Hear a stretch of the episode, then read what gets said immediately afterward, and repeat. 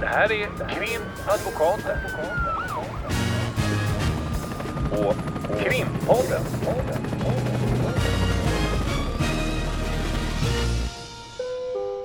Parter och ombud kallas till sal 32. Hej Ulrika! Hej Lotta! Häromdagen läste jag i tidningen, i DN, eh, att eh, nu har fråga om eh, kriminalitet hamnat på, eh, vad säger man, o, eh, första platsen i vad gäller väljarnas eh, viktigaste fråga inför valet 2022.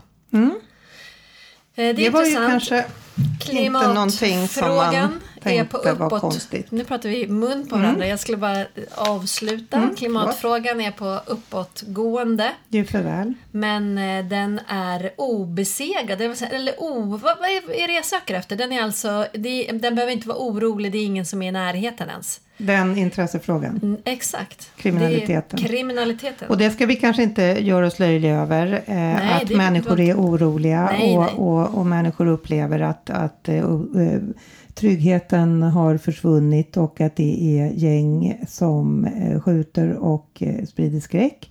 Jag var på en eh, föredragning häromdagen för jag sitter i en utredning och då var det en professor som berättade att, jag tror det var en professor eller om det var en annan person som berättade att i hela eh, Botkyrka där vi har eh, det som kallas för utanförskapsområden eh, så är det 2,2 procent av hela befolkningen som är eller har varit misstänkta eller dömda för brott. 2,2 procent.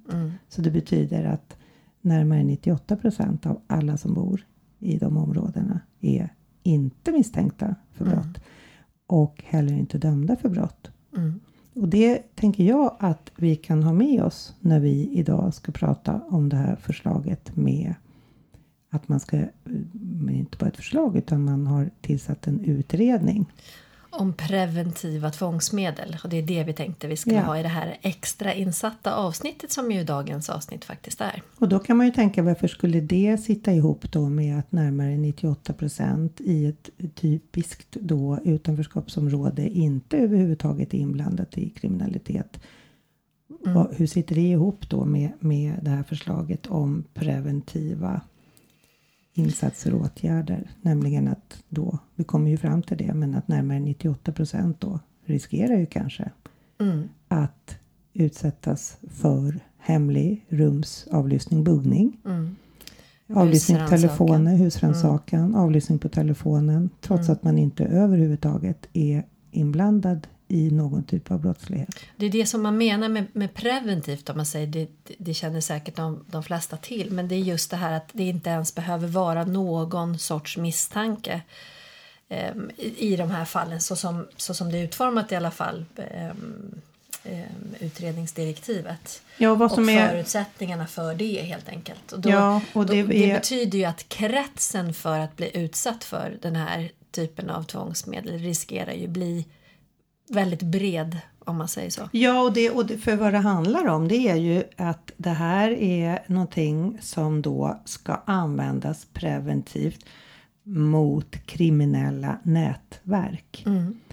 Och vad är då ett kriminellt nätverk? Precis, och det, det finns ingen egentlig legal definition på eh, gängkriminella och de här, det- som nu har blivit vedertagna begrepp i media och i den allmänna debatten på grund av de här skjutningarna så tycker vi att vi har en allmängiltig beskrivning och förklaring på vad det är. Det, det, det kan jag ju tycka att de flesta vet när vi säger när man pratar med, med lekmän eller folk i, nu för tiden så när man nämner de här begreppen så vet ju folk vad det är och då tänker man tror jag inte att men juridiken och lag är ju någonting annat än det här vanliga pratet över kaffebordet. Eller hur? Ja, och då tänker jag att man kanske, eh, kriminellt nätverk, så ser man ju framför sig någon mer eller mindre organiserad verksamhet, en eh, mer eller mindre organiserad grupp. Man ser eh, framför sig att det finns eh, vissa som styr, vissa som utför ett arbete och så kan det se ut. Men när forskarna tittar på det hela så säger de att när man pratar om kriminella nätverk så är det snarare så att det är löst sammansatta gäng. Mm. Så, och så har det ju alltid sett ut dessvärre att det har varit på det sättet. Att det, har varit, alltså det här är ju ingen ny grej. Det som är det nya är att det finns en massa skjutvapen. Mm. Eh, men att det är eh, lojaliteter som bryts. Det är eh, några polare som drar runt med varandra och så blir de ett gäng. Och mm. sen blir det några som blir osams där och då drar de över till något annat gäng. Så att det är väldigt fluffigt mm. när det gäller den här de här, att det skulle vara då nätverk. Sen finns det ju mer eller mindre vissa typer av nätverk som kanske ändå har en, en eh, struktur och De mer traditionella. Mycket mer traditionella. Kan man prata om Hells Angels och, och, och, och, lite sån Bandidos och så. Det är väl kanske det som folk tänker på när man då det finns alla möjliga olika nätverk. slags ja. i alla fall det som man eh, kallar kriminella nätverk. Och det som vi ju också ser i, i vår roll som försvarare är att även personer som kanske är i en krets som kanske har växt upp i samma område som kanske är kompis med mm. folk som umgås i kriminella kretsar som begår kriminella handlingar i, även kan misstänkas för att vara delaktiga i kriminella organisationer och misstänkas för olika typer av brott, gärningar med eh, den här etiketten helt enkelt. Mm. Att ja men du tillhör ett kriminellt nätverk fast man överhuvudtaget inte gör det. Nej, och då tänker man om man ska tillämpa en lag då. Utredaren har ju ändå eh, fått direktiv om att utreda detta och att också komma med lagförslag. Eh, självklart så ska också utredaren titta på enligt direktiven hur det här kan alltså vägas mot den personliga integriteten och, och sådana delar. Men Eh, hur ska man då, om man ska presentera eh, ett lagförslag, eh, då definiera den här den ordalydelsen, ett kriminellt nätverk? För det är ju bara där som man ifrån regeringens sida, när man har föranstaltat om den här utredningen, är då intresserad av att få ha de här preventiva delarna som till exempel då avlyssning och så. Mm. Och då har ju vi när vi har pratat om det här tänkt så här. Har man ingenting att dölja så kanske det faktiskt inte gör någonting om man har en avlyssning i rummet. Mm. Jag tycker det är också en, en reaktion man ganska ofta hör mm. när man kommer in i de här diskussionerna. Ja, men, men så länge man inte har någonting att dölja, nej, vad precis. är problemet? Och, det, och det, det, då får man ju tänka så här, ja, nej, om, om man inte har någonting att dölja. Mm. Jag håller inte på och köper och säljer knark. Så om jag har hemlig eh, alltså buggning hemma hos mig så, så är ju inte det någon fara. Jag håller inte på och, och pratar i telefon om, om eh, försäljning av, inte vet jag, stöldgods eller någonting sånt. Så det är kanske ingen fara för mig heller mm. att ha det. Mm. Men, men, men det som vi mer har pratat om det är ju så här okej, okay, jag kanske inte har något att dölja, men har vi hittat några situationer där det faktiskt kanske känns lite obekvämt att om jag då anses ha någon typ av delaktighet i ett kriminellt nätverk. Min son kanske då, eller mm. min dotter är mm. ihop med en kille som anses vara en del i ett kriminellt nätverk. Och om jag då hade en dotter som var ihop med en kille och de är 15-16 år och de brukar sova över hemma hos mig. Mm. Eller eh, komma och käka middag någon gång ibland. Ja, precis. Mm. Eh, då, då har vi kanske en möjlighet då för polisen att mm. dels göra en husrannsakan fast det inte finns en misstanke ännu. Det finns alltså ingen konkretiserad misstanke. Mm. Och då säger vi att man eh, installerar buggning hemma mm. hos mig. Vi får nog förutsätta att man nog vill att den här personen som man nog misstänker ingår i ett kriminellt nätverk ska vara ganska frekvent hemma hos mig. Eh, och då är frågan då, har jag någonting att dölja? Nej, jag har ju ingenting. Jag säljer ju inte knark. Nej. Eller barn eller kvinnor eller eh, vapen. Nej. Så jag har, jag har ju ingenting att dölja. Nej, där kan man ju fundera på till exempel då eh, om man, eh, när man har den inställningen att ja, men så länge man inte det, håller på med knark eller vapen och sådär. Men kanske är man ibland i gråzonerna i sina diskussioner kring köksbordet. Hur tänker du då? jag, jag, tänker bara att man kan ju, alltså, man kan ju uttrycka saker i, i en familj eller i, i sammanhang när man sitter med, med vänner och bekanta så kanske man provocerar ibland i, i åsikter och så vidare. Och, och, skulle det vara då avlyssnat när man inte känner till det så kanske det är åsikter som man egentligen kanske inte står för som man verkligen inte vill att myndigheter ska höra att man uttrycker. Ja, du sitter i någon då. Det är ju som den här filmen i, från DDR. Jag har glömt Ja, vad den heter. Han som sitter Väldigt och lyssnar på, på de här Mm. människorna i det här huset. Och, och eh, får en massa, kan man säga, sidoinformation. Mm. Och då eh, har vi ju också tänkt sådär, ja, okej jag kanske inte ägnar mig själv åt kriminell verksamhet. Jag kanske inte har en aning om det finns ens en misstanke att tro att den här sonen eller dotterns pojkvän överhuvudtaget skulle göra det. Och det behövs ju alltså ingen misstanke då. Eh, och då så kanske jag, eh, inte vet jag, jag, jag eh, kanske är ute på resa med min bil och så eh, ska jag tanka och så funkar inte mitt kort. Och så har jag firmans kort, eh, min arbetsgivares kort kanske om jag jobbar på ett stort företag. Jag är med med det för jag ska eh, betala saker för firmans del men definitivt inte min egen bensin. Men mitt kort strular och så äh, jag tar det på firman fast det är inte min firma. Och så tankar jag min bil för det för 1200 spänn. Och så kommer jag hem och så berättar jag det. För Därför min man eller för min fru. man känner att det inte var jag helt hoppas rätt att jag då. kommer kunna, Mm. det där löser jag med min arbetsgivare sen. Och det är min tanke att jag ska lösa det. Det Mm. är faktiskt ett brott att göra på det sättet. Det kanske man inte heller vill att polisen ska sitta och lyssna på. Eller om man ligger i sängen och diskuterar potensproblem. Mm. Känns det bekvämt att det sitter någon polis och lyssnar även om inte det är en brottslig verksamhet? Eller andra saker man kan diskutera och göra i sovrummet. Är det bekvämt överhuvudtaget att bli avlyssnad? Jag tror Ja. att man måste, man måste alltid tänka längre än att... Alltså, förekommer den här typen av tvångsmedel och avlyssning så, så um, det är såklart att det blir en kränkning av privatlivet. Ja, och då är det ju frågan om, eh, ja men det kanske är värt det då. För då kommer vi att i Sverige eh, få bukt med, med det som vi då kallar för kriminella nätverk, skjutningar och, och sprängningar. För det är ju det som ligger till grund för den här utredningen, för direktiven. Vi har ett problem i Sverige med sprängningar och skjutningar och det vet ju alla att vi har. Och då eh, ska det här bland annat vara en lösning av dem, eller i alla fall en del av lösningen på de problemen. Och eh, vi närmar oss ett val och, och de allra flesta eh, politiska partier eh, är, är, väl av den uppfattningen att man ska gå in med, med ganska trubbiga medel och hårda medel. Det handlar om repression och det handlar om bestraffning. Och sen så säger forskningen och de som jobbar ute i verkligheten att det kommer inte funka. Man måste börja i början. Man måste titta på när ungarna är 5-6 år. Det är där man måste börja. Det kommer att ta 20-25 år kanske. Men man måste börja i en annan ände. Och då kan man säga att det ena utesluter ju inte det andra. Men det blir ju en risk, tänker jag i alla fall. Om man då får införa buggning hemma hos folk för att man egentligen inte ens har definierat vad ett kriminellt nätverk är. Man har egentligen ingen som är misstänkt. Och ändå får man då lyssna av telefoner. Tänk att du sitter hos doktorn och sitter och pratar eh, med din doktor om dina privata doktorsaker. Och det finns en möjlighet att faktiskt lyssna i din telefon. Därför att du kanske har en jobbarkompis som ingår i ett kriminellt nätverk.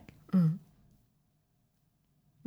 Eller Ja, att du tar som du sa, du har en sexåring hemma som är en illbatting. Ja men precis om man nu har till exempel något barn hemma som är i trotsålder eller eh, som ju kan ske i olika åldrar. Om man har ett väldigt bråk och så säger att man till exempel eh, tar tag i armen och jag menar sådana här mål ser ju vi ibland när det har liksom varit där som man då kan säga om det är fråga om social adekvans, det vill säga när barnet blir gränslöst eh, och föräldern försöker eh, Ja, men kanske ta tag i en arm eller försöker uppfostra eller det, det bara brister för föräldern helt enkelt. Om man agerar, man kanske skriker och man kanske gör någonting och så skriker barnet plötsligt. Sant eller inte sant? Åh, du gör illa mig, du slår mig. I, i stridens hetta. Och att det kan ju också bli då en, en misstanke om brott. Ja, det kan ju också till och med vara ett brott. Ja, det ett kan ju litet, vara ett brott, litet givetvis. nyp i armen. Mm. Eller att man tar lite för hårt. Absolut. Eller att man eh, uttalar sig bryskt. Mm. Och det, det händer väl i, i många familjer. Jag är ju helt oskyldig till allt så jag har ju inget problem alls med den här buggningshistorien. Men jag antar att det händer i andra Mm, familjer. ja, alla andra. Ja, och, då, eh, och det är väl kanske så man ska tänka. Och vi pratade om det tidigare också. Man sitter och deklarerar. Och så kanske man gör några avdrag som man kanske inte ska göra. Alltså det finns ju jättemycket grejer som, som görs i hemmet eller som görs i bilen. Eh, alltså diskussioner, samtal. Du sa också tidigare, vi har ju sett den här serien på Netflix va? Den, Mm, Den osannolika mördaren. mördaren som handlar om Skandiamannen. Och mordet på Olof Palme. Där har man ju i någon scen hur man sitter, några gubbar eh, och bland annat den här Skandiamannen då, eh, och dricker lite whisky och, och förbannar eh, Olof Palme och Socialdemokraternas politik. Och så är det någon som säger så ah, man borde skjuta, då skulle, då skulle det vara lösningen på allt om man sköt den där Palme. Och, och i, där sitter de och dricker whisky och röker cigarr och, och snackar skit.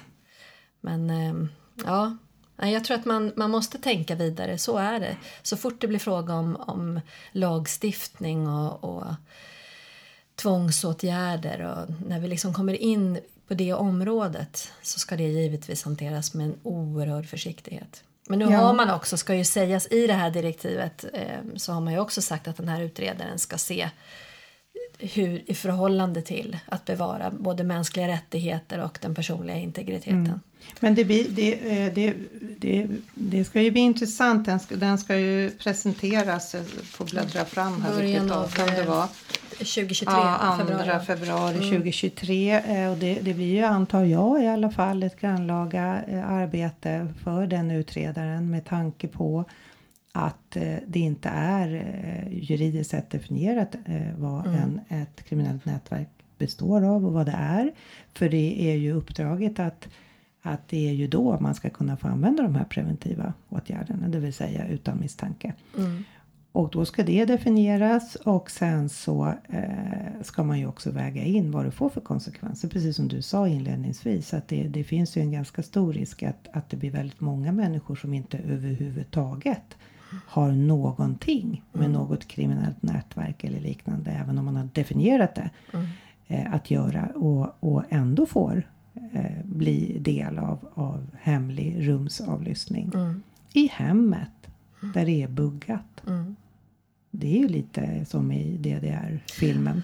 Ja, det är intressant med det exempel du nämnde i början där att det är 2% i ett område. 2,2. 2,2 och eh, ja, drygt 98 procent då som inte alls är aktuella överhuvudtaget. Och att de 98 procenten då ska riskeras att utsättas för olika eh, in, ingripanden, eller man ska säga åtgärder på grund av de här två procenten. Det är ju det är så man måste se det helt enkelt. Även om, precis som du säger, givetvis är det en problematik som vi måste diskutera kring och som vi måste... Man kan inte bara avfärda allt. Nej, men som, naturligtvis utan man inte. måste ju ändå ta in och tänka att människor är oroliga och, och det får man ju ha respekt för. Det är lätt för oss att säga att de behöver inte bry sig om det där. Men, men man måste ju också i, i den oron överväga riskerna för att det till slut blir på det sättet att vi vi då som inte har någonting att dölja Mm. kanske också inser att vi har en del att dölja. Det vill säga vi har saker som inte vi vill att någon ska sitta och, och ha del i. Mm. Och till syvende och sist är det vilket samhälle vill man ha helt enkelt. Nu nämnde du DDR och... och Ja, väl- då ska jag säga att nu har jag googlat lite snabbt där. De andras liv heter den och den är ju jättegammal ser jag här. Den är från 2006. Och den handlar ju om en Stasi-agent som sitter och avlyssnar. Sitter uppe på vinden om jag inte missminner mig. Och avlyssnar bland annat ett ungt par i deras lägenhet. Nu kommer vi in med ett litet filmtips Ja, också. de andras liv.